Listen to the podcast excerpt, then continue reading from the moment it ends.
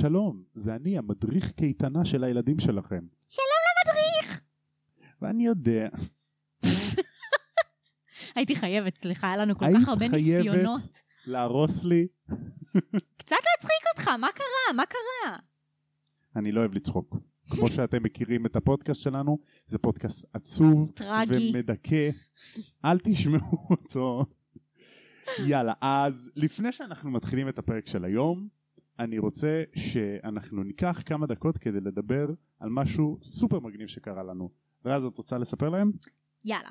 אז ככה, אז כמו שאתם יודעים, לפני כשבוע וחצי היה לתומר יום הולדת, ואני חשבתי לעצמי, לאן לקחת את תומר? מה לעשות? איזה אטרקציה ללכת? כי תומר, בוא נגיד ככה, הוא בן אדם מאוד מאוד צנוע וחמוד, והוא לא אוהב מתנות חומריות, הוא יותר אוהב אה, אה, דברים לעשות פיזית. זאת אומרת, חוויות, ליהנות, כן. חוויה, זיכרון, יותר מאשר משהו שאחר כך יישמר לו במגירה בחדר. אז התחלתי לחשוב, לעשות חושבים. וכמובן כל דבר שאני עושה בשביל תומר זה קשור להארי פוטר, סבבה? אז התחלתי לחשוב, אז אני כזה צפוי, אה? ממש. אז התחלתי לחשוב לאן אפשר לקחת אותך שקשור להארי פוטר, ושהחוויה הזאת תמיד תישאר אצלנו במחשבות. אז חשבתי על משהו שיחסית קרוב אלינו במיקום, אנחנו ככה מרכזניקים מרשל"צ, ו... והסתכלתי בגוגל, חיפשתי דברים, איזה שהם חוויות מה לעשות, והאמת שהדבר שקיבל את הכי הרבה תגובות טובות בארץ, בגוגל, אוקיי? זה היה חדר בריחה שנקרא פאזל בוקס של הארי פוטר בנתניה. תמשיך. אז אנחנו הגענו לחדר הזה. עכשיו, מן הסתם אנחנו לא נגלה לכם מה קורה, מה החידות, מה הרמזים, אבל אני חייב להגיד שאני הייתי בהמון חדרי בריחה, ואני גם הסתכלתי באינטרנט על חדרי בריחה של הארי פוטר, ואני חייב להגיד את האמת, זה החדר בריחה הכי מושקע שהייתי בו. חבל על הזמן. חדר מגניב שהוא נאמן לספרים אבל לאו דווקא נאמן לספרים. סופר מושקע תפאורה מגניבה והחידות פשוט כיפיות. פשוט כיף רצוף של 90 דקות ו... בדיוק, זה 90 דקות לעומת 60 שבדרך כלל יש, שזה מה שמדהים פה. נכון ואומנם זה ארוך אבל זה באמת הרפתקה שאני ממש ממש נהניתי ממנה. כולנו בדיוק. עכשיו, בוא נדבר על זה. הרבה פעמים החוויות שדיברנו עליהן במהלך הפודקאסט, זה היה בעיקר הסטודיו של הארי פוטר בלונדון. נכון עכשיו, אני חושבת באמת, אה, עם כמה שזה נשמע מוזר שבדרך כלל אתה כאילו משווה משהו ישראלי למשהו אמריקאי או בריטי, נכון אני באמת חושבת שהחדר אה, בריחה הזה בנתניה פשוט משתווה באמת מבחינת ההשקעה והיחס והמחשבה מאחורי החדר למשהו בינלאומי. אני לא, אני לא צוחקת, וזה משהו שלא קורה לי הרבה, אני לא, אני בדרך כלל לא מעריכה דברים קטנים כאלה, עסקים קטנים, בטח שלא בארץ, ופשוט נהניתי ברמה שאני לא יכולה לתאר לכם, כאילו, קודם כל, החדר עצמו, בואו נדבר רגע על דברים אה, יבשים יותר. אה, החדר עצמו מנוהל על ידי זוג מקסים בשם אנה וולדי. פשוט זוג מדהים, יצא לנו להכיר אותם במקום. באמת אנשים מדהימים. ו... וישר גם לפני שהגענו לחדר בריחה, זאת אומרת, אתם יודעים, ברגע שאתם אה, קובעים חדר בריחה, אתם משלמים הרי את המקדמה, ו... ושולחים לכם הודעה. לתזכורת וזה. שלחו לי הודעה, ושאלו אותי, אה, האם מישהו מאיתנו חוגג יום הולדת? ואמרתי, כן. אז הם אמרו, אנחנו יכולים לקבל מכם ברכה בשביל אה, חוגג היום הולדת, במטרה להפתיע אותו במהלך החדר. עכשיו, זה משהו שלא היה לי בשום חדר בריחה אחר. היחס הזה והלהשקיע בשביל מישהו אחד מכל המשתתפים זה משהו כאילו בעיניי מדהים וראוי להערכה ואני צירפתי לך באמת איזושהי ברכה שזה הגיע מתוך אחת החידות בחדר וזה היה ממש קטע כי אתה זה שבמקרה היינו ארבעה משתתפים אתה במקרה זה שפתחת ו... ופתרת את אותה חידה וראית את, ה... את הרמז. נכון, ואז אני הוצאתי את הפתק הזה ואני התחלתי להקריא אותו במחשבה שזה חידה, אז התחלתי להקריא אותו מהר ובקול העם, ואז הבנתי שזה ברכה טוב באמצע הדרך, ולא הבנתי בסוף, אוהבים רז, איך זה קשור להארי פוטר? אה... ואז ירד האסימון. עכשיו, גם מה שיפה זה שהברכה עצמה, סבבה, בוא נדבר רגע עליה, הם הדפיסו אותה, ו- ונילנו אותה, ו- ואלמנטים של הארי פוטר מסביב, וכאילו, וואלה, משהו שאנחנו תולים עכשיו על המקרר וזה נשאר שם, כאילו, כן. מהחוויה הטובה שהייתה לנו. והחדר בריחה ממוקם בנתניה, שאני חושבת שזה כאילו לגמרי מיקום סבבה בארץ, מבחינת אה, אה, נגישות לכולם, אה, באים בסך הכל בשביל שעה וחצי כאילו לחוויה כיפית עם המשפחה, עם חברים. עכשיו החדר בריחה עצמו, לפי מה שאני ראיתי אז בגוגל, שהזמנתי את הכרטיסים, שאתה יכול לבחור את הרמת קושי שאתה רוצה לחדר, זאת אומרת קלה, בינונית או ממש קשה.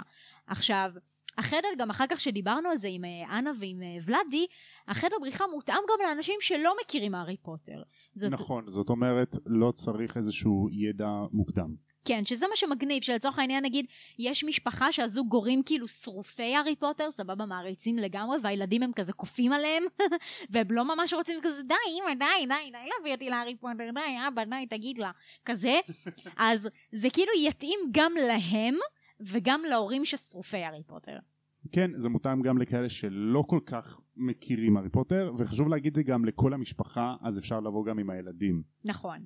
וזה מינימום, אם אני לא טועה, ארבעה משתתפים, אה, כי יש כל מיני אה, רמזים ודברים כאלה שמצריכים אה, מספר משתתפים מסוים, ככה שבדרך כלל באים שניים וזה, זה, פה זה פחות מתאים, אבל באמת, אני, אני ממש ממליצה ללכת על החדר אה, בריחה הזה, זאת אטרקציה נהדרת. ההשקעה שהושקעה מאחורי החדר בריחה זה פשוט מטורף בעיניי, מטורף. אתם תראו, תגיעו לשם ותודו לנו, באמת. אין ספק. אז uh, בנימה זאת, נתחיל את הפרק שלנו. יאללה. אז במקרה, אם לא שמתם לב, אנחנו עכשיו בפרק על הסרט של הארי פוטר והאסיר מאזקבאן. סוף סוף. סוף סוף, ואני חייב להגיד שבצפייה של הסרט לקח לנו כל כך הרבה זמן, ואנחנו עוד לא בשעה הראשונה. נכון. זה- אבל אנחנו החלטנו לעשות עצירה קלה כדי להקליט את מה שהיה עד עכשיו, כדי לא לשכוח. כדי שהפרקים האלה לא יגיעו לחלק 17. בדיוק. לקח לך ממש הרבה זמן להגיד את המילה הי- הזאת. הייתי חייב את ההפסקה הזאת. כולנו חייבים הפסקה. אל הארי פוטר והאסיר מאזקבאן. פתיח?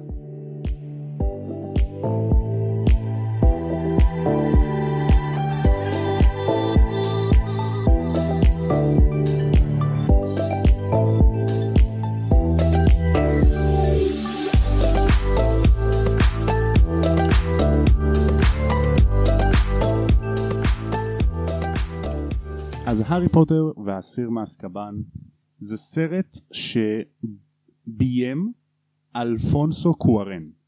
עכשיו הוא הבמאי שהגיע אחרי כריסטופר קולומבוס ואפשר כבר על ההתחלה לראות את השוני בין שניהם מאיך שהסרט מתחיל כבר אנחנו מקבלים את התפניות האפלות יותר שאנחנו מכירים בסרטים המאוחרים יותר וגם באיך שהילדים משחקים באיך שאנחנו רואים את האדמות של הוגוורטס וזה מתחיל ממש בהתחלה אני חושבת גם שזה מצוין במוזיקה שונה, אפקטים שונים, העלילה עצמה היא אפלה יותר, אה, הצבעוניות של הסרט, שפתאום היא מונוכרומטית לעומת צבעוניות קלרפול של השניים הראשונים, ויש ממש הבדל חד בין הראשון והשני, שהם באים בתכלס ביחד, לבין השלישי. עכשיו, מה הסיבה אבל ש... יש במאים שונים לסרטים, כאילו למה הם לא יכלו ללכת עם אותו אחד ואז היה דפוס חוזר בהכל? אני חושב שזה כמו כל סרט את יודעת פשוט עניינים של חוזה בטח אה, מה, גם להם לא היה. קללה על ה... על כאילו ג'ינקס על המשרה של דארק אגנסט דארק ארץ? Cards Against Humanity נכון באת להגיד את זה? לא, דווקא לא, אני פשוט מתבלבלת ב... כן אז אה, לא יודע כל פעם זה משתנה אז זה גם גורם לכל הבלבול לבמאים הבאים של איזה גישה לעשות כלומר אלפונסו רצה לקחת את זה לכיוון אחד אבל ההוא רצה לקחת את זה לכיוון אחר נכון. אבל יש מצב, אני די חושבת כאילו ש... שיש לזה קטע מגניב, שכל סרט הוא על ידי במאי אחר, מהסיבה שככה אנחנו מרגישים כאילו אנחנו מתבגרים איתם. כאילו, הקטע של הצבעוניות והמוזיקה השמחה בשניים הראשונים זה כאילו יותר מותאם לילדים כזה, ש, שרק נכנסים לעולם הקסם, כמו הארי, הרמיוני ורון, ו, והשלישי זה פתאום הם, הם מתבגרים יותר, כמו כל השיחות שלנו בפודקאסט של העונה הזאתי, וכאילו, אנחנו מתבגרים איתם, ו... והחיים אפלים יותר, כי אנחנו גדלים לעולם האמיתי. עד עכשיו שזה היה כזה, בוא נראה לך את אה, עולם הקסם והדמיון, וכמה זה טוב, ועולם ורוד. סיימנו את זה, ראיתם? יופי. עכשיו החיים האמיתיים. כאילו, משהו כזה. עכשיו העולם האכזרי בא לדפוק בדלת. בדיוק. אז אנחנו מתחילים שהארי יושב בחדר שלו, מתחת לשמיכה עם השרביט, ופשוט צועק לומוס. פשוט מתחיל בלומוס, ואז, זה, ואז הוא פשוט צועק לומוס מקסימה. נכון. ואין מצב שכל השכנים ברחוב לא שמעו אותו. אני לא יודעת איך אה, ורנון לא עלה כאילו חמש דקות קודם. כן, העיקר גם הוא, ורנון נכנס, מסתכל, וכאילו הארי מעמיד פני השן. על מי אתה עובד? לפני שנייה צרחת בכל הבית. כן, נשמה, אני לא יודעת איך ורנון לא שמע אותך צועק לפני הצעקה מרוב שזה חזק. בדיוק, גם מה הקטע שאתה, שהם לא אמרו שאסור להם לעשות קסם מחוץ להוגוורטס? זהו, איפה המכתב כאן משר הקסמים ש, שמעלה אותו משפט ו- ודברים כאלה? זהו, כן, הרי בדיוק שנה שעברה הם דיברו על זה. לא מובן, אחר כך כאילו בעוד שני סרטים זה, זה כאילו אחר לגמרי, פתאום אסור לעשות קסמים מחוץ להוגוורטס. כן. כן, נמשיך. אז שמים לב ממש על ההתחלה איך דניאל רדקליף ממש גבה בין הסרטים. לגמרי. הוא פשוט בראש גבה. נכון. יכול להיות שזה גם היה בהפרש יחסית יותר גדול מהראשון לשני? לא, לא, הראשון יצא ב-2001, השני ב-2002, השלישי ב-2003. אה. הרביעי ב-2004, ואז החמישי ב-2005?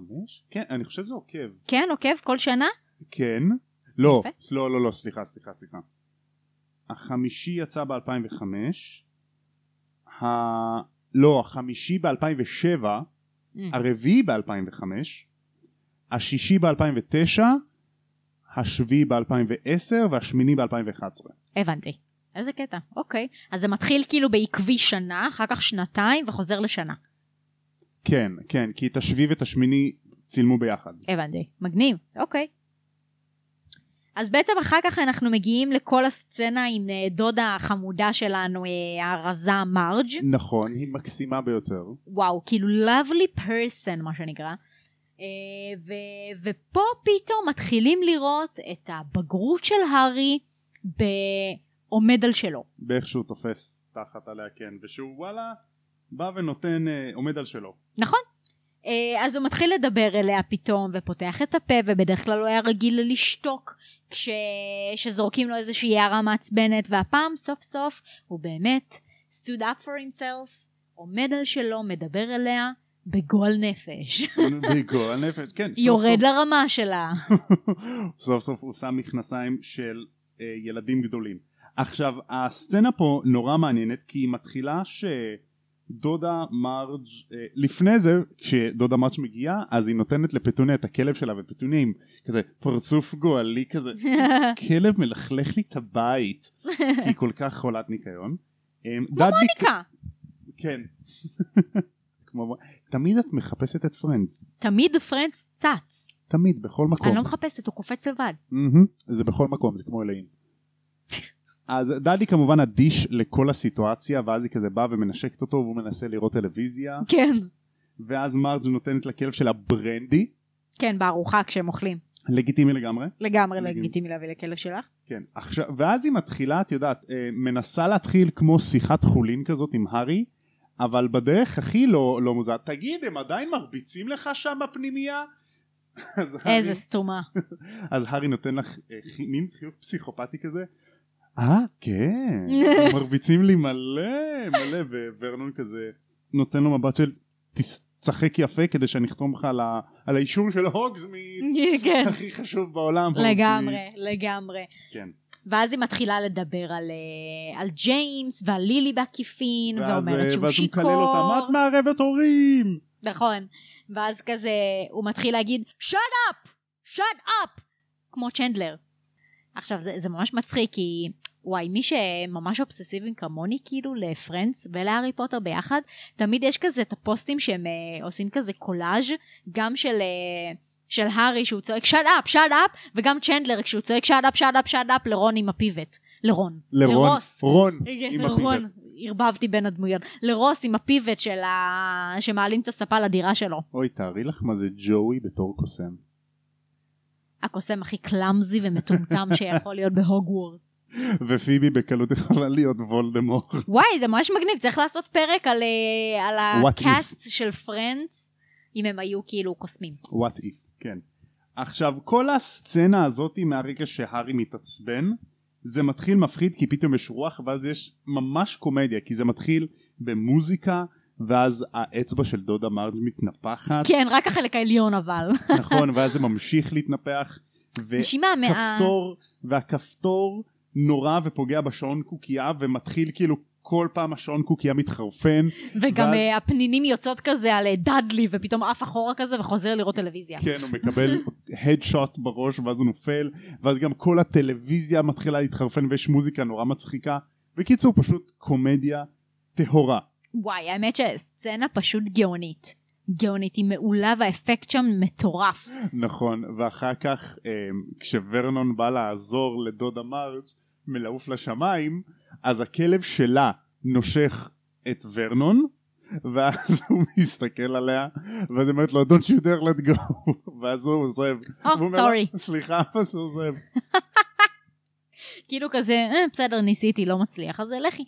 נכון, וגם יש את המוזיקה שמסיימת את הסצנה הנפלאה הזאת, זה פשוט תזמורת ורואים את ורנון צועק לשמיים, מרג'! ודאדלי עדיין אוכל מול הטלוויזיה.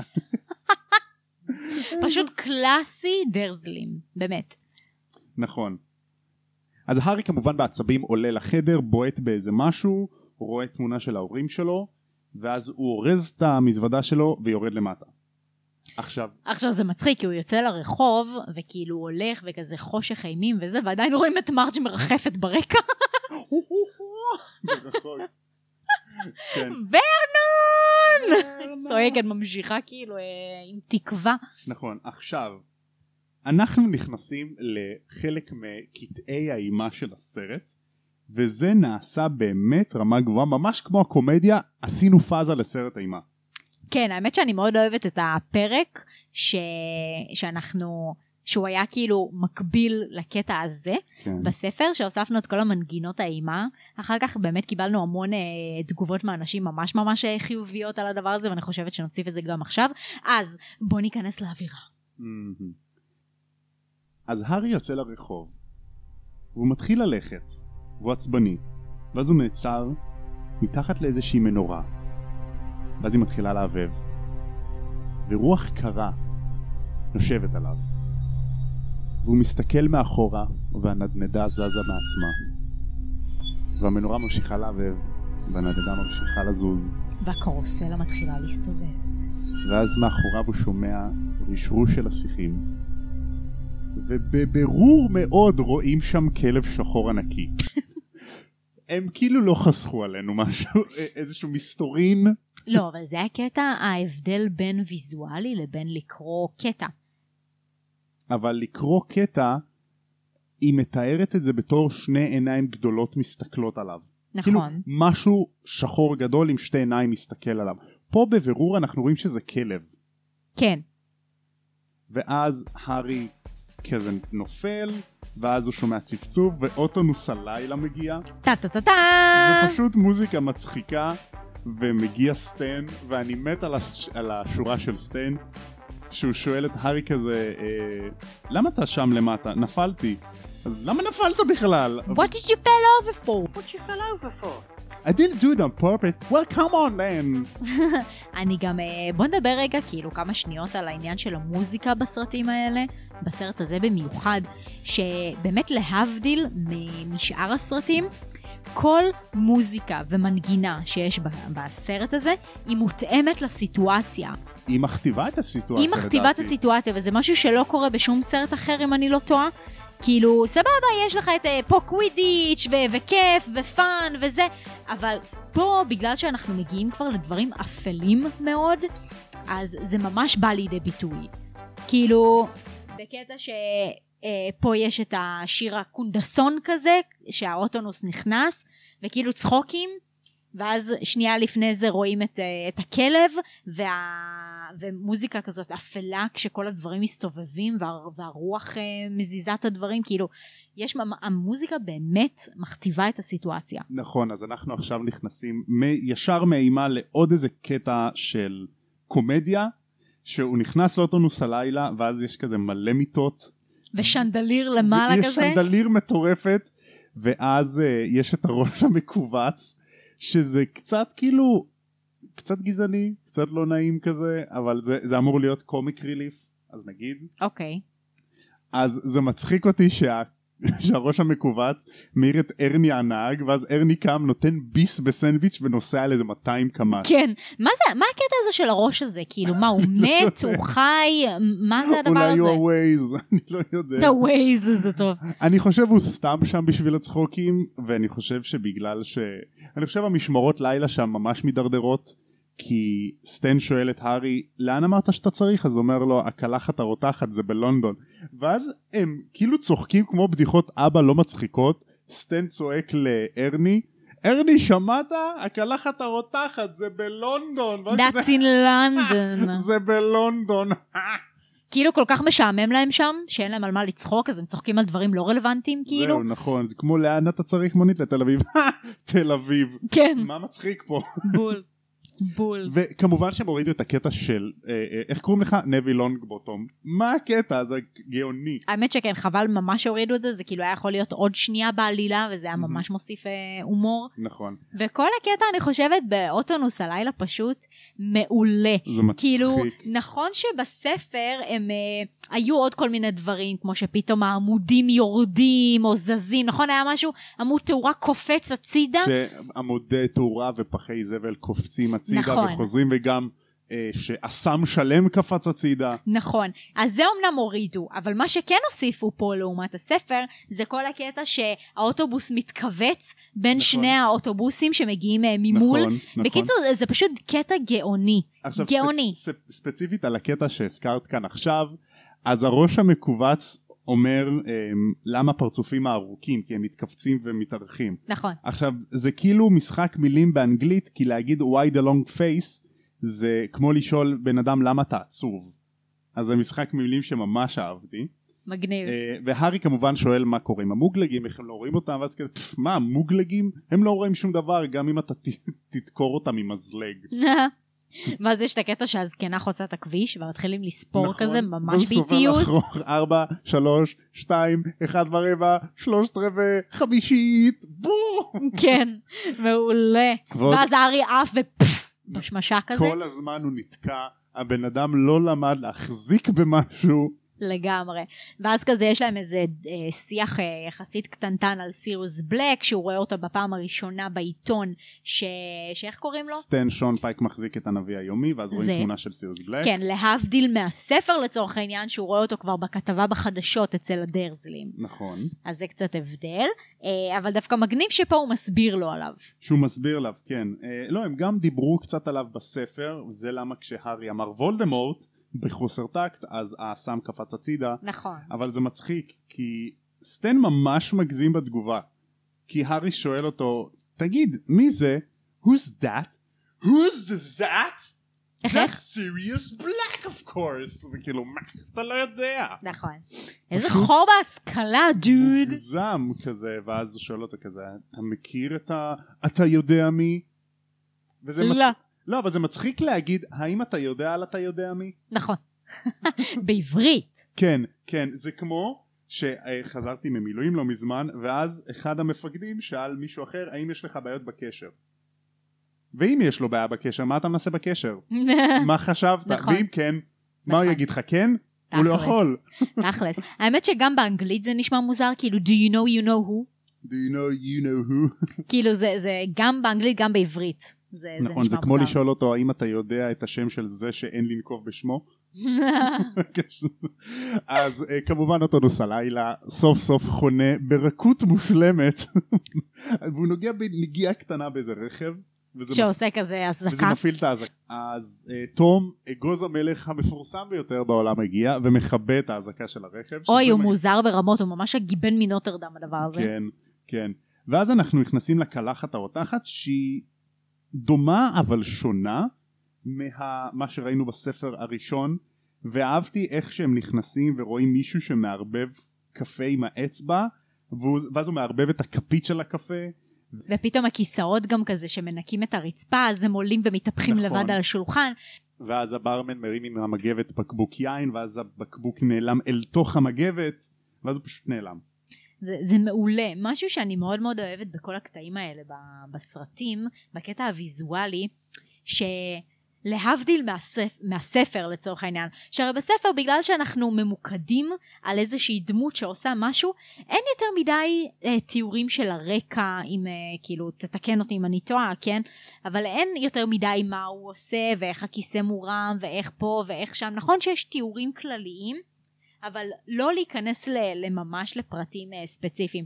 נכון. ו- ופתאום עכשיו, כשמדובר פה בדברים ויזואליים, שאתה חייב גם למלא את הרקע ואת הדברים משמאל וימין ומאחורה ומקדימה, אז כאילו, פתאום אתה, בקטעים כאלה שהם אה, נמצאים במקום אחר, שזה לא הוגוורטס, שזה מקום מחוץ לטירה, ו- ודברים שהם קצת יותר בוגרים אה, ממה שהולך בתוך בית הספר, אז בכל פינה, אם, אה, באמת שווה להסתכל על הקטעים האלה, כמו שהם נכנסים עכשיו לקלחת הרותחת, להסתכל על זה כמה פעמים, ובכל פעם כזאת להסתכל על נקודה אחרת ב- בסיטואציה, כדי לראות איך הם אה, מבטאים את עולם הקסם.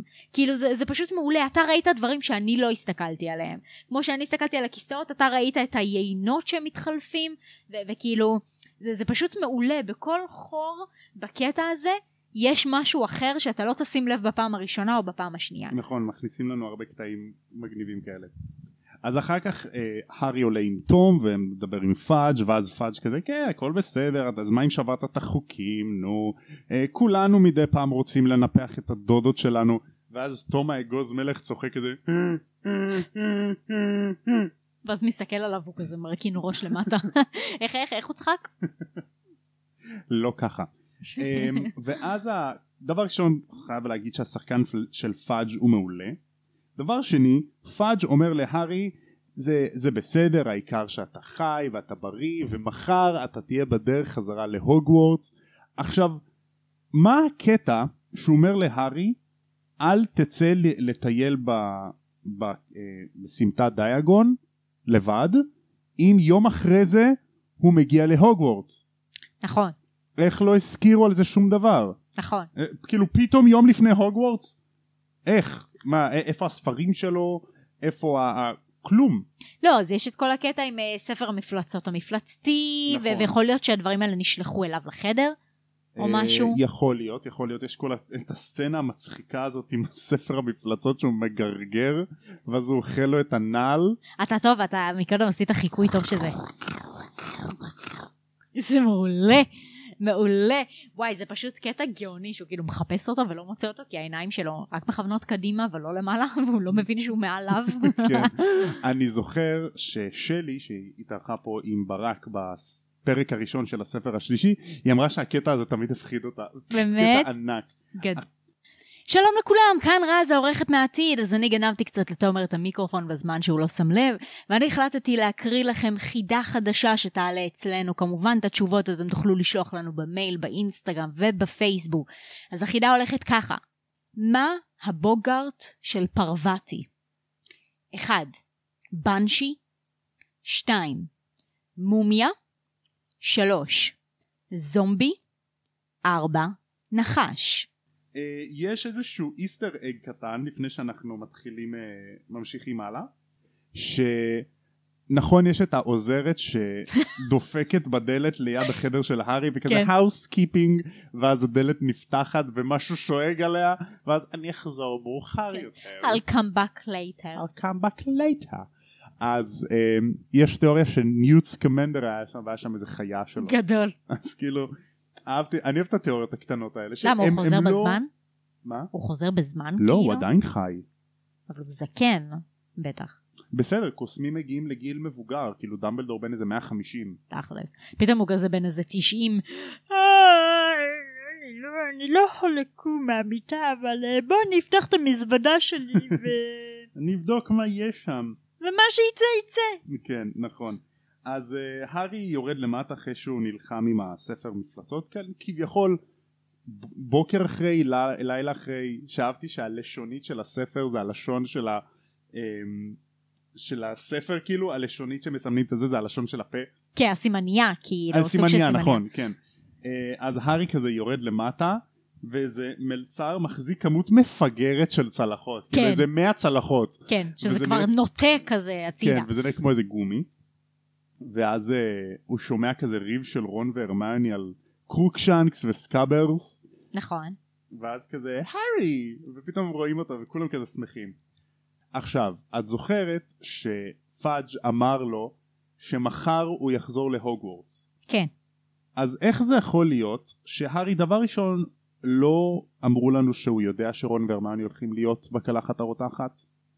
בספר אנחנו כן יודע, הם דיברו על זה אבל בסרט לא נכון. ויום לפני הוגוורטס וזה כבר כנראה בוקר אתם אמורים להיות ב-11 בתחנת רכבת מה אתם מתמהמהים שם ומדברים על אה, אה, חתול יש לכם להתארגן שמע, יכול להיות שהם מאורגנים, הם רק באו לארוחת בוקר ולקחת את הארי איתם, וכל זה מדובר. הרי הרכבת יוצאת ב-11 בבוקר. כן אולי אבל כל זה כאילו היה בשבע.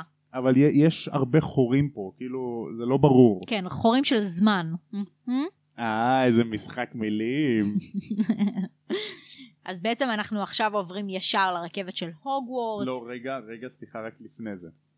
uh, התאומים כמובן מראים לכולם את העיתון. הם צוחקים על זה שרון uh, הראה את הגזיר עיתון של החופשה שלהם במצרים. נכון. גם לברמן בוקר לברמן לילה לעוזרת בוקר לעוזרת לילה לכולם. ואז זה בעצם הסצנה שהיא ללא קאט הכי ארוכה שיש בכל השמונה סרטים. בכל השמונה סרטים זו הסצנה הכי ארוכה שאין בה קאט זה איזה דקה 35 שניות. וזו סצנה נורא מעניינת גם כי היא נורא ארוכה הכל זה טייק אחד. וגם כשמר ויזלי לוקח את הארי הצידה ומדברים על סיריוס בלק תמיד יש את התמונת מבוקה של סיריוס בלק ברקע. כן. ולפעמים היא אפילו בין הארי למר ויזלי וזה יש כאן טריק של צילום ושל הבמאי שאני נורא אוהב זה כאילו הם רומזים לנו נכון. הם זה כאילו ברקע הם שמים לך רמזים על מה הולך לקרות כן. כמו ב... כן, בתכלס כל הסרט הזה זה רמזים על מה שהולך לקרות. נכון יש לנו עוד איזה כמה רמז, רמזים שכתבנו בהמשך רז רמזים. רז, בז, בז, בז. רז. כן. אה, ולפני שהם יוצאים להוגוורטס אז יש איזושהי משפחה של הודים בשולחן של איך הקלחת שמת לב הרותחת. לדברים האלה? האמת ששמתי לב לזה עכשיו בצפייה הזו. אוקיי. לא, לא שמתי לב לזה בפעמים הקודמות. אז שהם מחללים בחליל ואז, ואז פרח נע כמו נחש. גדול. שזה ממש אהבתי. זה פשוט קטע גאוני. אני לא יודע אם, ש- אם שמת לב אבל היה שם גם קנקן תה מרחף. שפשוט מזג להם תה שזה מגניב זה פשוט וואי, נוח. זה, זה פשוט גאוני, כל הדברים, הדברים האלה. הקטנים האלה כן אני ממש אוהב את זה. וואו. אז אנחנו עושים cut ועוברים לרציף תשע ושלושה רבעים שגברת ויזלי רצה להביא לרון את העכבר שלו. עכשיו תחשבי על זה רגע איזה רגע מפנה משמעותי זה אם רון היה שוכח את סקאברס בבית. כל הסרט לא היה קורה. כל הסרט היה שונה לגמרי. כן, אם אה, מולי לא הייתה רודפת אחריו כזה עם הרכבת, רצה עם הרכבת ביחד ומביאה לו כזה דרך החלון. גם לא היה אהבתי קורה. שמן הסתם אנחנו יודעים שסקאברס הוא נורא רלוונטי לספר, לעלילה של הספר השלישי ואהבתי שהם התעכבו עליו ושמולי אומרת לרון אל תאבד אותו. נכון. אז מצחיק. ממש אהבתי שזה אשכרה כאילו רמז. תראה איזה קטע שאתה עכשיו אמרת את המשפט. סקאברס ממש רלוונטי לעלילה של הספר השלישי. מישהו שעדיין לא ראה ולא קרא, שאתה אומר כזה, על העכבר, מה העכבר קשור לעלילה? כאילו, מה כבר, נכון. כאילו, תחשוב כזה מישהו ששומע על זה כזה בעקיפין, מה הוא אומר לעצמו, מה הוא חושב, למה העכבר, עכברוש כאילו קשור לעלילה של הספר, נכון. זה ממש מצחיק. זה ממש מצחיק למרות שאני בספק שמישהו ישמע את הפרק של הפודקאסט הזה מבלי לראות את הסרט אז הוא לא יבין על מה אני אה, מדבר. לא, ברור, ברור, לא, לא גם אין דיברתי שום על סיבה זה. שהוא יגיע לפודקאסט הזה בלי שהוא מכיר. ברור, לא דיברתי קרה? על זה. דיברתי כאילו בקטע כללי כזה, שתחשוב כן. שאם אתה זורק את היציאה הזאת ליד מישהו שלא מכיר, אז כאילו זה זה ממש מצחיק. זה גורם לנו לחשוב מה קשור עכשיו לך בראש וזה. אז אנחנו מגיעים לתא הרכבת ולופין ישן שם ונראה שהוא שתה משהו ויש פה קטע שאני לא מבין מה הארי ניסה לעשות פה שהוא מספר לרון והרמני מה הסוד שלו ולופין ישן בתא. מה חשבת שאתה בא לפתוח כאן סוד עם חברים הכי טובים שלך משהו שאתה לא אמור לדבר עליו במיוחד עם הבן של מי שסיפר לך את זה ויש שם בן אדם מבוגר ששתה משהו לידכם בתא זה לא כאילו כמו באסבן שזה אה, פומבי אסבן. כן אסבן זה הרכבת בגרמניה. נכון שבברלין זה לא כאילו פומבי זה לא קרונות זה, זה תא פנימי זה תא אישי קטן ארבעה אנשים שם מקסימום אה, אני לאו דווקא מסכימה עם מה שאתה אומר, כי מדובר פה במישהו שהוא ישן, אז כנראה שהם לא מניחים שהוא מעמיד פני ישן כדי לשמוע את הסודות של הארי פוטר לחברים שלו. ודבר שני, אה, גם אם הוא כן ער, סבבה, כן נלך על הסיטואציה הזאת שהוא ער, זה לא נורא לדבר על זה ליד מישהו שהוא מבוגר, במיוחד שהוא גם חלק מהצוות של בית הספר. זאת אומרת, כנראה ליד ילד מה, מהשכבה הם לא היו מדברים על זה. אבל הם לא יודעים שהוא מורה בבית ספר הם הזה. כן, הם דיברו על זה. בספר הם דיברו על זה בספר הרמני עשתה אחד ועוד אחד ארג'יי לופין, ושיערה שהוא המורה החדש היא שיערה, נכון. כי היא הרמני יודעת הכל אבל מניין לה לדעת ואם היא טועה מניין האנגלית שלי. רוצים לדעת מניין מניין מניין מניין סתם, אבל כאילו אם הם הניחו את זה, אז אני חושבת שזה בסדר אה, לפתוח משהו כזה, וזה לא סוד גדול במיוחד, ששאר הכיתה או השכבה לא צריכים לדעת על זה, זה, אתה יודע, זה, זה סוד ברמת סיכון חיים. כאילו זה בסדר לפתוח את זה ליד אדם מבוגר. אמ, נכון אבל עדיין אם כאילו אתה רוצה לספר להם משהו ואז סוגר את הדלת בדרמטיות ויש לך זום אין שזה מוטיב חוזר בסרט הזה שיש זום אין על הפנים של הארי דרך אה, חלונות מראות או פשוט כן. במסגרות כאלה. אז אני רוצה לספר לכם משהו ואז אתה הולך ויושב ליד מישהו שהוא ישן. קצת מוזר אבל נגיד. אה, ואז אנחנו מתחילים את הסצנת אימה כזה שהסרסן עולה על הרכבת. דבר ראשון אין כאן את נביל וג'יני ואז מתחיל כל האלמנטים של קרח בבקבוק וקרח בחלון ורון אומר שיש שם משהו בחוץ נכון, גם הרכבת נעצרת כאילו בדרמטיות. בדרמטיות בר- ואז רואים. שקר להם שיש עדים מהפה כן, וכאילו כזה קיפאון מתחיל אה, לתקוף את החלון, ואז אחר כך את הבקבוק של לופין כזה, זה ממש נכון. מגניב. ואז הסרסן מגיע והוא מפחיד נכון, הוא פותח את גבוה. הדלת ככה לאט לאט עם הידיים שלו, עם האצבעות שלו, ככה ב, בממש דרמטיות. סתם, אה, התבלבלתי בסרט. אה, הוא מתחיל... מה זה הפרצוף הזה? נבהל ממנו. ואז הסוהרסן מתחיל לשאוב את אה, הארי. לנשק אפקטים- כן אפקטים כאלה שהוא ממש אה, מושך לו את, ה- את, את הנשמה ואז ההארי כזה מתעלה ויש צרחה ברקע טוב.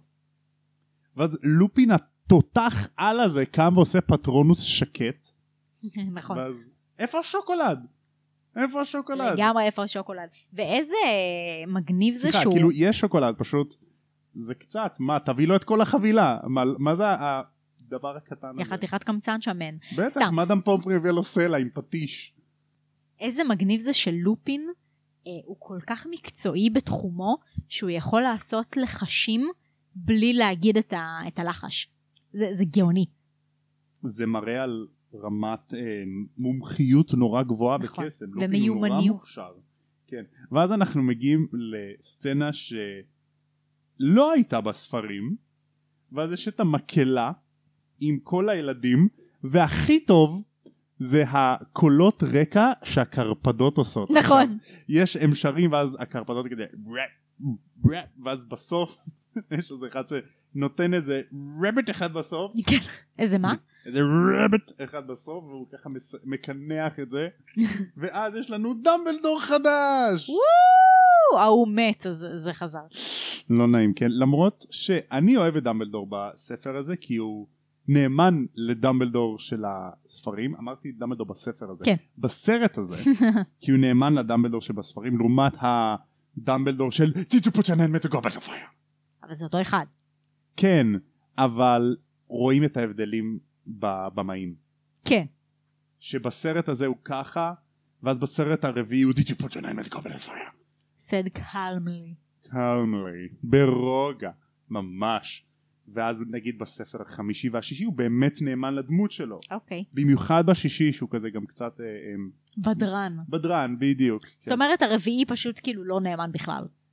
יותר מזה אני אגיד לך הבמאי של הסרט הרביעי לא קרא את הספר נכון. זה כאילו טעות בפני עצמה. זה, למה להעסיק את הבן אדם הזה בכלל הבן אדם לא מכיר את החומר מקור שלו ממש. איך אפשר בכלל לביים סרט עם עלילה שלא קראת? איך רולינג אישרה את זה כאילו אני, אני לא איך- מצליחה להבין פיזית איך עושים את זה. אני חושב שוורנר ברוז פשוט הציבו לה אולטימטום והיא הייתה חייבת להגיד כן כי זה כאילו או שאנחנו עושים את זה איתך או בלעדייך אתה יודע מה מעניין? אולי, אול- אולי אני לא בטוח בזה אל תתפסו אותי במילה כן סליחה ממש מעניין אה, כל ההכנסות של הסרט הזה, אוקיי? כמה מזה הלך לג'יי קיי רולינג, כמה מזה הלך לוורנר ברוז וכמה הלך לשחקנים. אני חושב שדווקא השחקנים קיבלו משכורות אה, די נמוכות כי את יודעת יש את כל צוות ההפקה גם בנוסף לכל אבל אני חושב שעד היום הם מקבלים על זה תמלוגים נכון. נכון. כל פעם היום. שמופיע השם או הלוגו הם מקבלים על זה כסף. בטח מה זה זה מרצ'נדייז זה כל הדבר הזה נכון. אז אה, דמבלדור קם והוא מספר לכולם מי המורים החדשים והוא מציג את לופין וחמוד לופין הוא צנוע וסנייפ מוחא לו שלוש מחיאות כפיים ואז מפסיק וזה הכי כאילו כזה אני מוחא כפיים כי אני חייב להיות פה אבל אני לא רוצה ואז אה, דמבלדור מציג גם את אה, הגריד והוא כזה קם מה- מהכיסא שלו ומעיף את השולחן קדימה. השולחן, וכאילו מגונגל עושה לו עם המפה כזה תקום ואז הוא קם וכל השולחן יוצא החוצה גאוני. נכון אה, לפני שהוא מציג את הגריד אז הוא אומר שהמורה הקודם רוצה לצאת לפנסיה כדי לבלות זמן איכות עם הגפיים הנותרים שלו זו בדיחה מהספר ואני ממש אהבתי את זה גדול. ואז מפה אנחנו ממשיכים ל Fortuna Major. אה, לפני זה אוקיי. יש את לדמבלדור את המשפט של אה, אפשר למצוא אור גם בשעה החשוכה ביותר פשוט צריך לזכור להדליק את האור ואז עושה את הקטע עם הנר שזה ממש מגניב נכון, האמת שזה כאילו ממש משפט האיקוני של, ה... של הספרים, זה מעולה. כן, זה משפט מאוד איקוני נכון. ואז אנחנו מגיעים ל... Fortuna Major. Fortuna Major ואז היא כזה היא מתחילה לעשות אופרה ואז היא רואה שזה לא בלה אז היא שוברת את הכוס מהטוב Oh, just with my voice. נכון. ואז הארי ושיימוס כזה she can't even sing כן, אבל אתה שמת לב לזה. כן. אוקיי שימו לב שכל הסרט כשרואים את הדיוקן של הגברת השמנה רואים את סר קדוגן ברקע. עכשיו סר קדגן להזכירכם זה מי שהחליף אותה אחרי התקרית עם סיריוס בלק אבל לפחות בסרטים שהוצגו בארץ לא היה סצנות עם סר קדגן ראו אותו רק ברקע ויש סצנות מחוקות שאני מצאתי אחרי זה באינטרנט שרואים קטע שמדברים עם הדיוקן של סר קדגן כשהוא שומר מהמם. אז הורידו סצנה שלמה למה הכנסתם את סר קדגן ברקע אם אחר כך אתם תורידו את הסצנה הזאת For the record, מה שנקרא. כן הם כאילו סימנבו את זה אבל האמת, אה, אתה צודק בכל מה שאתה אומר, אבל לא לזה התכוונתי למה שאתה שמת לב.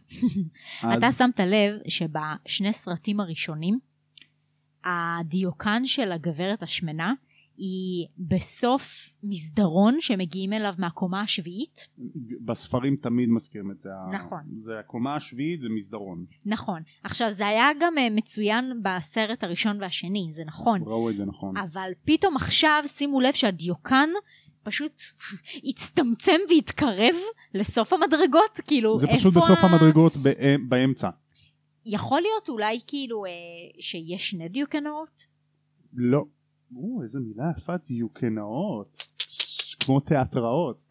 איזה מבריקה לי אני פה בעברית. ממש אה, מופתעת שלא התבלבלתי במילה, כן, זה היה הכבוד. ממש קשה להגיד את זה, כן. אבל כאילו יכול להיות שהיה שתי תמונות של נשים שכאילו פותחות את הדלת? יכול להיות, זאת אומרת, לא. הם נכנסים דרכה ליד המדרגות, ואז יש מסדרון ואודיו כאן? לא, לא, לא. זה אוקיי. פשוט, אה, לדעתי, החלטה של הבמאי לעשות את זה. לדעתי הוא פשוט רצה ממש לעשות את הסצנה שהם עולים במדרגות והם כן. כזה מחפשים אותה אחר כך, אבל זה לא, זה לא מה שקורה. בספרים זה בקומה השביעית, זה בסוף מסדרון, זה ברור, מהמם. ופה הבמאי פשוט הייתה לו יד חופשית אז כנראה הוא עשה מה שבא לו. אני לא כל כך מבינה את הקטע הזה. כאילו ש... זה לא שהם שינו משהו מהספר לסרט, אלא מהסרט הראשון והשני לשלישי. כאילו, זה, זה כאילו ממש על תקן של טעות של הבמאי. אני לא חושב שזה טעות, אני חושב שהוא ניסה להכניס, להעלות על המסך איך הוא ראה את זה כנראה, או הוא רצה להכניס אלמנטים אחרים לסיפור ולעשות עבודה קודמת מאשר כריסטופר קולומבוס, כי את יודעת, כל אחד רוצה לשים גם את עצמו, כן. הוא רוצה גם לה, להביע את עצמו, הוא לא יכול לרכב על העבודה של כריסטופר. לדוגמה, אם תשימי לב, איך הבקתה של הגריד או הערבה המפליקה ממוקמת ביחס לטירה. נכון, בסרט- ביחס שונה. נכון, בסרט הראשון והשני הבקתה של הגריד די קרובה. נכון. הערבה המפליקה היא נמצאת באדמה שטוחה ממש על קצה היער. פה היא בגבעה. נכון. יש כאילו שורשים גבוהות לפני זה. הבקתה של הגריד הם ממש יורדים למטה. נכון, הם יורדים למטה, יש איזושהי ירידה מאוד מאוד תלולה שהם צריכים מדרגות להגיע עם וזה. מדרגות, ואני ז- ממש זוכרת שבסרט הראשון, אה, כשהם כזה באים אליו עם הניקונס פלנל, כאילו זה, נכון. אז ממש רואים כזה את הבקתה מול הוגוורטס באותו קו אווירי. נכון, ממש, זה ממש קרוב במורד השביל. כן, באותו גובה. כן, נכון, הם ממש אה, שינו פה דברים, אבל כאילו, לא יודעת, אני ממש חושבת שזה מפגר. לפחות תדבקו לקטעים מלפני, כאילו, מה זה השטויות האלה? מה עכשיו אה, בסרט הרביעי אה, הבמאי מחליט שדניאל רדקליף לא מספיק בשביל הליהוק להארי פוטר, טוב שהוא לא החליף אותו. כאילו, כן, אתה. אתה מבין מה אני אומרת? אבל זה כמו שבספר השביעי שמיני מראים את הוגוורטס בצורה שונה לגמרי, יש את הקרב קרב במדרגות, בחיים לא ראינו את המדרגות האלה. נכון. זה לא, לא היה שם. האמת שאתה צודק, נכון, מדרגות פתאום עוש- כאילו אה, היו יותר ארוכות רחבות יותר, יותר. רחבות יותר, נכון. כאילו מדרגות כניסה לאיזשהו אה, תיאטרון. תכלס. לא, אבל אני, אני אה, שמחה שהעלית את, ה, את הדוגמה הזאת, אבל להוסיף משהו, אה, יכול להיות שנגיד זה נמצא במקום אחר בטירה, שכאילו לא נראה עד עכשיו בסרטים. זה שונה מאשר מיקום של משהו שכבר ראו אותו. אתה מבין מה אני אומרת? כן. נגיד המדרגות האלה, אם פתאום הן היו אה, אה, רואים את כל הדיוקנאות מסביב וכל התמונות, אז היינו אומרים שזה באמת שונה, כי המדרגות הן אמורות להיות צרות ולא רחבות. נכון. בזה אתה צודק. אבל שהדיוקן של הגברת השמנה אמור להיות בסוף מסדרון, ופתאום הוא נמצא ב... ישר איפה שהמדרגות מסתיימות, אז זה כבר טעות של, של מיקום. לפי דעתי, זה- זה מה שאני אומרת שאני חושבת שצריך להישאר במקור, להיות דבק למ, למקור שלך. נכון, נכון, את צודקת. אה, לא יודע, נקרא לבמאי, נשלח לו מכתב זועם. סבבה. אה, נשלח לו את הפתק האדום הזה עם הצרחה של ויזלי. הצרכ- הצרכן, כן. אה, צ- צרכן. צרכן, לא משנה. קיצור, אז לכל אורך הסרט יש לנו כל מיני רמזים קטנים כאלה לטיול בזמן, תמיד יש מין קלוזאפים על שעונים, נכון, תמיד יש רמיזה ששומעים את הפעמון נכון. אה, מצלצל ל-12 בצהריים. נכון, יש גם את הקטע של הפעמון שמצלצל על שעה, גם שרואים את השעון מתנדנד, את גם המטוטלת כמו של השעון סבא. בדיוק את המטולטלת. אה, מטוטלת, לא מטולטלת. אוי ואבוי, רואים מטולטלת, נא מה המפיך. את הטלטלים של הרמיוני רואים אותה, סתם. את המטוטלת, רואים אותה זזה, אה, וגם כאילו, כן, לפעמים פתאום שומעים את השעון גם זז, כאילו אתה ממש שומע אלמנטים של זמן. יש הרבה רמזים, זה כן. מעולה. ואז נכון. מפה אנחנו מגיעים לסצנה ש- שהחמודים האלה יושבים אה, בחדר שלהם, אה, במעון של גריפינדור, כן. וכאילו אוכלים את הסוכריות, וכאילו הם משנים כזה את הכל לאיזושהי חיה. נכון. זה ממש חמוד. שיש להם את ה... זה מגניב, איך לא הראו את זה? מה, תחשבי, זה הכי מבהיל בעולם, את מכניסה איזושהי סוכריה, בעלת חברה שלך, ושואגת כמו אריה באוזן שלה. זה מעולה. זה פשוט מצחיק, כן. אה, יש עוד כמה רמזים לערבה מפליקה, שתמיד שיש שינוי בין עונות השנה, אז יש רמזים לזה שהערבה המפליקה חוזרת, שפתאום שיש לה שלג וקר לה, ואז שחם לה, אז היא כאילו כזה, אה, איזה כיף. היא מתמתחת בחום ומתנערת אה, כשיש עליה שלג. כן, ונותנת כאילו, איזה פליק לאיזה ציפור שפגע בה. מפוצצת אותה כזה. כן. בואי מכות, בואי. כזה. נכון. ואז אנחנו מגיעים לשיעור של פרופסור טרלוני שהיא טרלללה חבל על הזמן. ופרופסור טרלוני מגולמת על ידי אמה תומפסון האגדית. אני חייב להגיד, אני לא מת על הדמות של טרלוני, אבל אני פשוט מת על איך שאמה תומפסון מגלמת אותה. לגמרי. פשוט נהדר. ליהוק מדהים, וגם דיברנו על זה ב- בספר הקודם, שהיא האקסית של השחקן של לוקהארט. אקסית גרושה שלו. גרושה, כן, ex-wife כאילו. ואז היא גם הגרושה, סליחה לא היא, הוא התגרש מהשחקנית של בלטריקס לסטריינג' כן. והם היו ברומן בזמן שהוא היה עם אה, אמה תומפסון ביחד. עכשיו, מה שמגניב כאן זה שרואים את הארי ורון מתיישבים בשיעור הראשון שלהם לניבוי עתידות, ואז הפריים קצת משתנה ופתאום הרמני מופיע. נכון. ואז הם כזה שואלים את עצמם, What is she doing here? היא הייתה פה כל הזמן? מה את עושה פה? זה ממש ככה.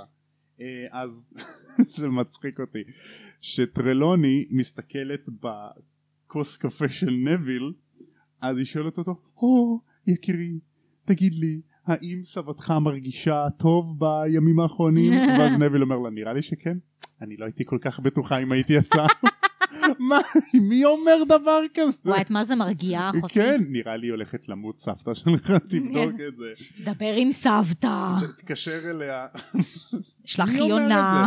מי אומר את זה?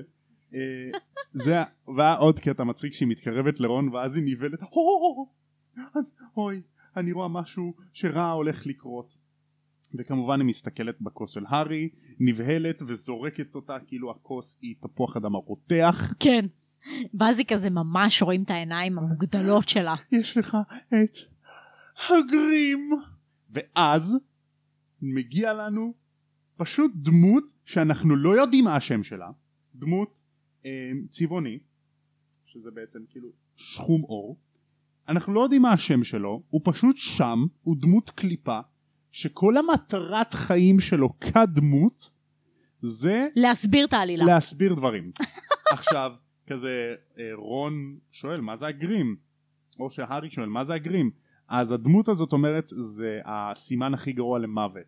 זה כמו כלב שרודף אה, בתי קברות. כאילו. אשכרה שם כדי להסביר את הסיטואציה. כן, כן, הוא כמו העוזרת של גוגל. סירי. תמיד מאזין, כן. נכון. ואז אחר כך הם הולכים להגריד, ומתחיל בעצם השיעור על אה, חיות הפלא. ומעכשיו אנחנו יודעים שזו הולכת להיות סצנה מצחיקה, כי יש מוזיקה מצחיקה. נכון. מוזיקה מגניבה כזאת על, אה, עם סצנה של הגריד ובקביק. נכון. ואז עוד פעם יש לנו גרגור של ספר המפלצות ואז אומרים כזה לנביל אתה אמור ללטף אותו בגב ואז הוא מתחיל ליפול כזה, והוא אוכל לו את הראש, כאילו. אני בסדר אני בסדר ואז עוד פעם תוקף אותו. כן. אה, ואז יש כמובן את הקטע שהוא מציג את אה, בקביק ה- ההיפוגריף ואז הוא שואל מי רוצה מתנדב וכולם לוקחים צעד אחור חוץ מהארי כן, כזה טה טה דה דה. ואז שומעים כזה הליכה כזה של קרסים על הרצפה. נכון זה מגניב ויש פה בסרט הזה המון פעמים שמבליטים את הארי ש... נכון, הוא תמיד באמצע. כן, או תמיד באמצע או כזה רחוק מהשאר במיוחד רון והרמני. בסצנה שהארי הם, כזה מתקרב לבקביק ובקביק כזה נובח עליו, מצייץ עליו, כאילו ציפור. שאלה יפה.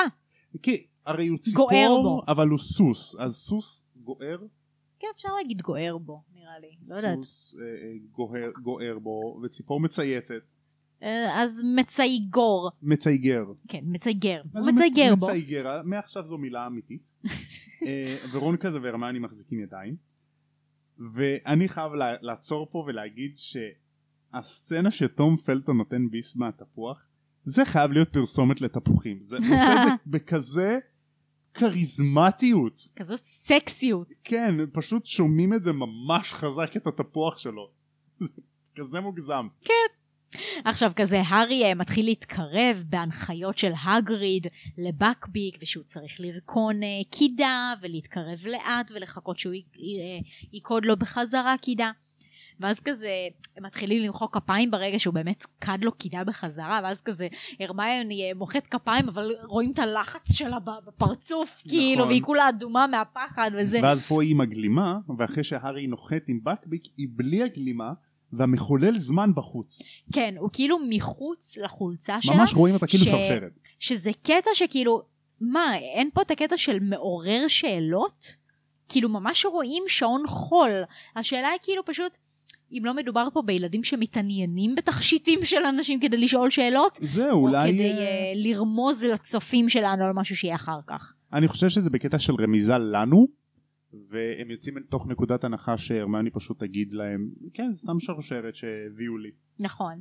ו- ואז באמת יש את כל הקטע של הרכיבה על בקביק, שזה לא היה בספר, כל הקטע שהוא רוכב עליו ומטייל בהוגוורטס מסביב, בטירה וזה, וזה פשוט הסצנה לת... לדעתי הכי יפה והכי מדהימה שיש בסרט הזה. אה, חוץ מהסצנת שיא שאנחנו יודעים מה זה כל הסצנה הזאת זה, זה פשוט אור ברווז זה גוס במפס כתבתי לי בפתקים המוזיקה עם שלוש סימני קריאה לגמרי. פשוט הסצנה הזאת היא גאונית. ועוד פעם יש אה, זום על הפרצוף של הארי שהוא פותח את הידיים ועושה וואו גם זום על הפרצוף של הארי וגם אה, כל הקטע שמראים ב- בסרט הזה שדואגים להראות לנו את, ה, אה, את הקרקע ואת השדות ואת השטח של הוגוורטס זה משהו שבעיניי גאוני מאוד יפה מאוד מוסיף. אנחנו מתחילים עם הסרט הזה להתחיל לצאת מגבולות הוגוורטס. אז זה מאוד יפה אני חושבת ש, שמתחילים להראות לנו את העולם מבחוץ קצת. ו, ומשהו שכאן יש אה, שזה מזכיר לי משהו שכתבתי אחר כך בפתקים זה שתוך כדי שהוא רוכב על בקביק ו... ומסתכל על ההשתקפות של עצמו שימו לב זאת לא הפעם הראשונה שרואים את, אה, את הארי באיזושהי השתקפות בין אם זה השתקפות של האגם או השתקפות של מראה או השתקפות של חלון. שימו לב כל פעם כזאת רואים את הפרצוף שלו מטושטש. עכשיו אני חושבת אה, יכול להיות ויכול להיות שזה לא נכון כן אבל אני גאון אני בדרך כלל צודקת שסתם כל כך הרבה צניעות בבחורה אחת שזה אולי רמז לטשטוש הלא נכון שהולך לבוא מאוחר יותר בסרט. זאת אומרת כאילו שארי אה, אחר כך חושב אה, שהוא מדמיין את אה, אבא שלו וזה לא נכון. אז כאילו זה טשטוש מעורפל שהוא לא מבין שזה הוא בעצמו. שרואים אותו ב- ברכבת של ברכבת הוגוורטס? של הוגוורטס אה, ורואים את הפרצוף שלו כזה מטושטש. עכשיו רואים את הפנים שלו אה, אה, באגם מטושטשות. באיזשהו שלב גם רואים אותו בחלון מטושטש איפשהו בהוגוורטס. זאת אומרת הכל מטושטש כי מדובר פה על משהו מעורפל שיבוא אחר כך. נכון נכון אז uh, בסצנה הזאת יש איזה קטע שרואים ממש uh, הגריד כשמצלמים אותו ביחס לשאר התלמידים אז רואים שזה כפיל ואז כשמראים את הפרצוף של הגריד אז מצלמים אותו מלמטה כדי לתת לנו תחושה שהוא גבוה נכון. עכשיו, אה, סליחה שאני קוטעת אותך, עוד איזה משהו שרציתי להגיד על העניין של ה... שהוא רוכב על בקביק, שממש אתה מרגיש פה את עניין החופש. כאילו, הוא הרי פורס ידיים כזה לרווחה, וצועק כזה וואו! כזה. רק כאילו ממש לא בקטע מגעיל כמו שאני עשיתי עכשיו, כאילו בקטע ממש כזה דני רקליף יפה. אז אה, ממש בא לי לפתוח, כאילו לפרוס ידיים ולצעוק איתו ביחד, כי אני מרגישה חופשייה בסצנה הזאת. כמעט כמו טיטניק ממש. אז uh, הם נוחתים וכמובן מאלפוי מתקרב לבקביק עם הליכה של ארס מתגרש שזה בדיוק מה שאתה לא אמור לעשות אבל זה כאילו טיפיקל מאלפוי. זה ממש טיפיקל מאלפוי אז כל הכבוד לבקביק על הרגל שהוא נתן לו באמת כאילו פרופס אה, פרס אמי גרמי מה שהוא לא רוצה ממש. אה, ואז אה, מצחיק אותי שמאלפוי אומר אתה תיזהר ממני אבא שלי ישמע על זה אתם תסתבכו אתה והתרנגולת המטופשת שלך חצי נכון. זה מצחיק כי באנגלית גם זה נשמע יותר כזה כיף להגיד את זה you and your bloody chicken גם צ'יקן זה כאילו פחדן, אז זה, זה כאילו יכול להיות כל מיני דברים, כאילו יעני הוא היה פחדן שאני באתי אליו. כן. זה יכול להיות גם בתור כאילו כינוי אה, גנאי לעוף, וגם יכול להיות בקטע שכאילו הפחדן הזה כאילו הרים על היד עכשיו. זה מעניין מאוד מה שאת אומרת בוא- בואו נבין רגע כמה מאלפוי אפס שהוא בא לעשות אה, אה, להראות כאילו כמה גדול יש לו מול תרנגולת לגמרי. מול סוס זה תרנגולת לא מול תרנגולת, זה מול הארי. או, הוא כן. מראה או, להארי. או שלמאלפוי יש קראש על הרמני והוא כאילו רוצה גם להרשים אותה יש הרבה שיפרס לדררי ממש, יכול להיות פה לא, הרבה מאוד דברים. דרמיוני זהו, ואז כזה הוא באמת נפגע על ידי בקבי כזה, "אה, he killed me, I'm dead, I'm dead. בואנה, חתיכת אה, פוסי, קום, תזיז את היד שלך ותלך. מה, כאילו מסכן כן. הגריד צריך להרים את הנמושה הזאת על הידיים. אבל אחרי זה הוא בא לפנזי פרקינסון עם הפרצוף פג שלה אומר לה כן מה אה, מזל שמאדם פומפרי תיקנה לי את היד עוד שתי דקות וכמעט הלכה לי היד. כן, לגמרי. כאילו ירו לך ביד. גבר יש לך שריטה? די נו הסכין גבינות אה, עושה אה, שריטה כזו סכין כזה קטן. שתבין כאילו ש... ש... בסדר, כמובן שהוא הקצין את הסיטואציה כדי להראות כמה הוא חזק וכמה הוא זה בשביל אה, אנש... כאילו על פני אנשים אחרים, אבל נשמה, מאדם פומפרי החייתה עצמות מחדש, אז מה זה ה... כאילו השריטה הקטנה שיש לך ביד? בטח נו סתם אתה בוכה די כבר אתה כן, יאללה, שתוק. אז אה, עוד פעם יש לנו את הדמות קליפה שלנו הדמות השחום עם האור השחום. אה, סליחה שאני קוטעת אותך, אבל היה איזה רגע לפני זה שדווקא רציתי כאילו להגיד שאנחנו חוזרים להוגוורטס, ו... ולפני שאנחנו נכנסים לאולם הגדול וכל הסיטואציה שאתה הולך לתאר אותה, לפני זה אנחנו רואים את הרוחות רפאים ש...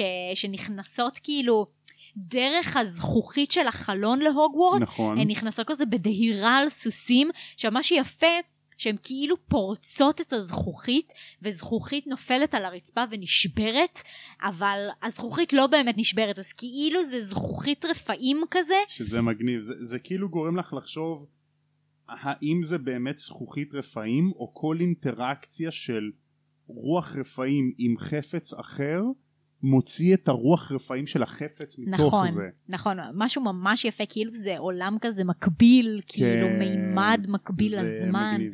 דרך אגב לפחות אני כאילו חושב שזה אמור להיות רפרנס ל... למשמר, למשמר מחוסרי הראש שניק כמעט בלי ראש רצה להיכנס אליו בספר הקודם והוא התבאס שלא נתנו לו כי הוא כמעט בלי ראש. כן נכון אז uh, זה כנראה כאילו רפרנס לזה כי בסרט השני לא הכניסו את זה. אז עוד פעם יש לנו את הדמות קליפה שלנו שמדברים על איך שסיריוס בלק אה, הוא בדאפטאון שזה מסתבר ליד הוגוורטס ואז הדמות קליפה שלנו אומר כן מה זה ממש קשה לתפוס את סיריוס בלק זה כאילו לנסות לתפוס עשן עם הידיים. ואז יש zoom in ממש על הארי ורון וכזה הארי ורון הארי ואז כזה הוא מודאג מסיריוס בלק ורואים את שיימוס בצד כזה גם מסתכל חמוד ואז יש עוד טריק של חלון סלש מראה דלת השתקפות כזה ואז יש את השיעור עם לופין על בוגארט או. והם מתחילים את השיעור וכבר מההתחלה יש לנו סצנה אה, מוזיקה מגניבה כזאת ואז המצלמה משנה זווית ואז פתאום אמה וואטסון נכנסת לפריים ועונה ללופין על השאלה שלו על הבוגארט נכון. שזה מגניב שפשוט עשו את המשחק הזה עם אמה ווטסון שהיא נכנסת לפריים מהצד. נכון. זה פשוט מצחיק. עכשיו גם אחר כך שמנו לב שאתה הראת לנו קטע ביוטיוב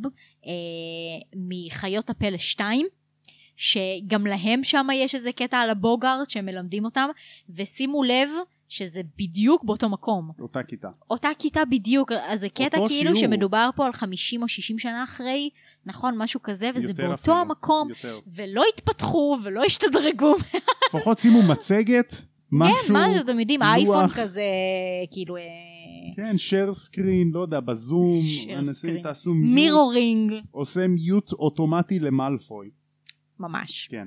אז אחד הדברים הכי כיפים בשיעור הזה זה איך שלופין מלמד אותם איך להגיד את הלחש נגד הבוגארט ואיך שהוא מגלגל את הרש ברידיקולוס. כן. כאילו ארגנטינאי רידיקולוס. בוא נפתח על האש סמבה מסי. ממש. ואז יוצא לנו מהארון של הבוגארט את אלן ריקמן, בכבודו שמשחק את ובעצמו. סנייפ, שלבוש בתור אה, mama, סליחה, grandma לונגבוטום. כן. שזה גאוני, איזה שחקן אגדי.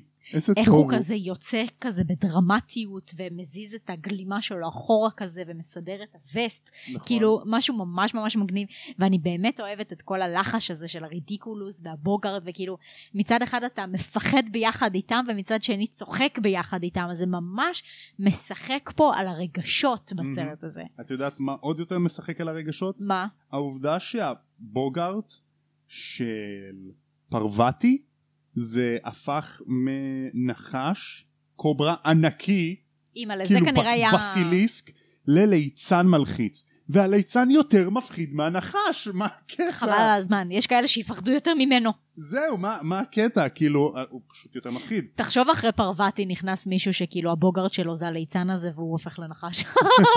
חוזר ואז זה אחורה. נהיה אינסופי כן.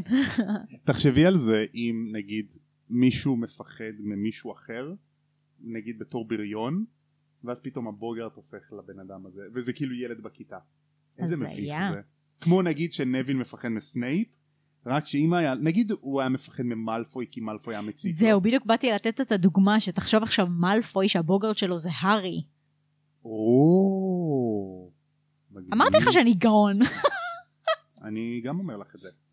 Uh, שימו לב איך שבסצנה הזאת אז יש את המוזיקה המצחיקה, הקומדיה וזה, ואז הליצן הוא כאילו חוזר על הארי זה שלוש פעמים, ויש מוזיקה קצת מלחיצה, כי כאן... אה, וכאילו מכניסים אותנו לאיזשהו רגע מפחיד, ששנייה אחרי זה פתאום ה- הסוהרסן מגיע. נכון, כי כל הקטע הזה שעכשיו תיארת, זה גם היה כאילו בסר, בספר, שהוא כזה מתחיל אה, לתהות עם עצמו מה יותר מפחיד אותו, הדמנטור או, או, אה, וול- או וולדמורט. וולדמורט. ואז כאילו זה, זה בדיוק אנחנו רואים את, ה, את ההתלבטות שיש לו בראש. זה בדיוק השלוש שניות האלה שהוא לא מבין כרגע ו, וחושב מה יותר מפחיד אותו. ובסוף אה, נופל כאילו הדמנטור, הסוהרסן ב- בבוגארט. מעניין אם זה יכול להשתנות. בוגארד. אני חושבת שכן. כאילו אם נגיד הוא מפחד מסוהרסנים כי הוא לא יודע מה הם עושים לו ואז הוא מפחד מהם כי הוא לא יודע איך להתמודד איתם כן. ואח, ונגיד שנה אחרי זה אחרי שהוא כבר נלחם נגד סוהרסנים והוא לומד איך לעשות פטרונוס אז מה זה לא אמור להשתנות אז כנראה שהבוגארט משתנה. בספר הרביעי הוא עדיין אותו בוגארד כי יכול להיות שהוא עדיין מפחד מאותו אחד. גם, להיות. גם כאילו אחרי שהוא למד, אבל סתם לדוגמה, אוקיי? אם הבוגארט הזה היה... הי, אה, היו מביאים אותו להארי פוטר בן חמש. היה יוצא משם ורנון, סבבה? אז כאילו מה אתה חושב, שעכשיו זה היה עדיין ורנון, או שזה היה משתנה לסוהרסן? אני חושב שזה היה משתנה מבחינה הגיונית, זה כאילו, הדיפולט שלנו זה, זה כן להגיד שהוא משתנה. כן, נכון. אז אחרי זה לופין קופץ מול הבוגארד של הארי, ונגמר כאן הקטע שלה, אין את המסתוריות כמו בספר שזה נראה כמו כדור כסוף. זה בבירור הירח. רואים את הירח, רואים את המכתשים, עננים, זה בבירור הירח. כאילו, איך עד, איך באותו רגע לא כולם זיהו את זה. לגמרי.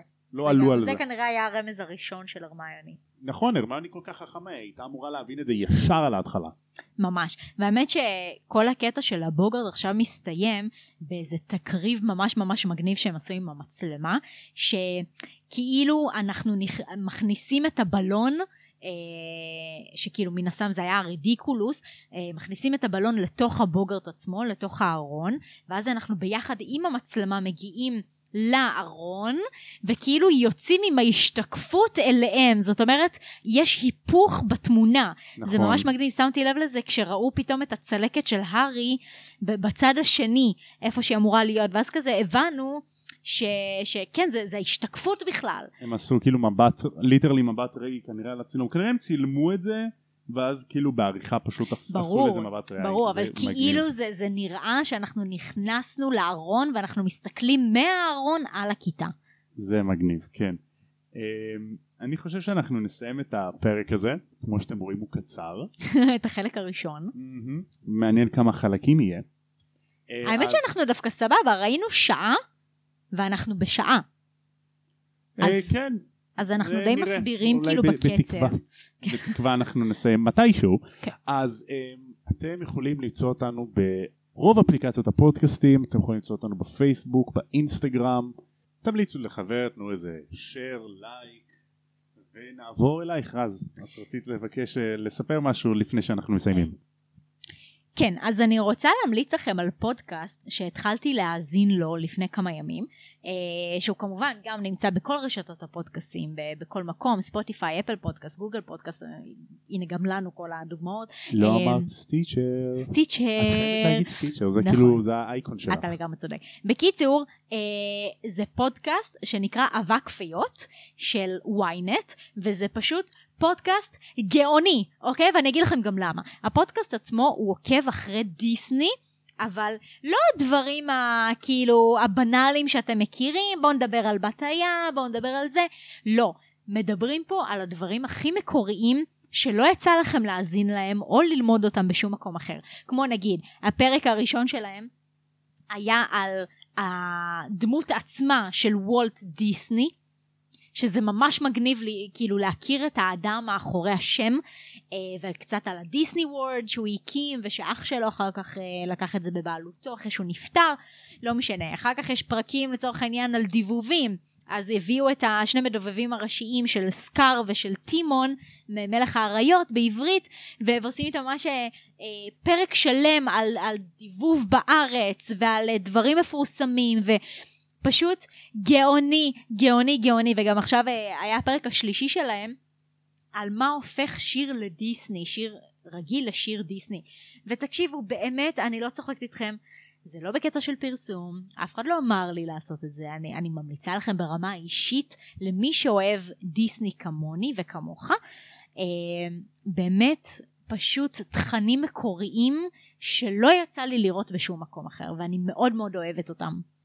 אני כל כך שמח שאת התחלת לשמוע הרבה פודקאסטים רז, כי מאז שהתחלנו בעצם את הפודקאסט הזה נחשפת להרבה יותר, ואנחנו יותר, יותר מדברים על זה גם על פודקאסטים אחרים ששנינו שומעים. נכון, אני גם חושבת שמאז שאני הכרתי אותך אני בכלל שמעתי על המונח פודקאסט בפעם הראשונה, לא לא ידעתי. על זה, אה, ואני חושבת שגם עד היום עדיין המודעות בארץ היא לא ממש ממש גבוהה בקשר לפודקאסטים, ומה שאני אוהבת בקטע הזה זה שיש פשוט פודקאסט לכל דבר בעולם. לכל כל דבר. דבר שאתה רק חושב עליו. עכשיו אני, יש לי הרבה דברים שאני אוהבת, אבל יש גם כמה דברים שהם באמת כאילו האהבה שלי, ו- ואני באמת מאזינה להם כאילו בקפידה, שזה הפודקאסט הזה, הפודקאסט הזה, כן. שלום לכולם. שזה זה, אה, כמובן אני מאזינה לו כסדרתית, כן? אה, ואת לא משוחדת בכלל לאהוב אותה. לגמרי. יש את האהבה כפיות של דיסני, שזה כאילו האהבה השנייה שלי, אה, סליחה, האהבה הראשונה שלי אפילו לפני הארי פוטר, ואחריו עוד פוסט, עוד, עוד, ואחריו עוד פודקאסט שאני יכולה גם להמליץ לכם למישהו שאוהב את, ה, את הנושא הזה כמוני.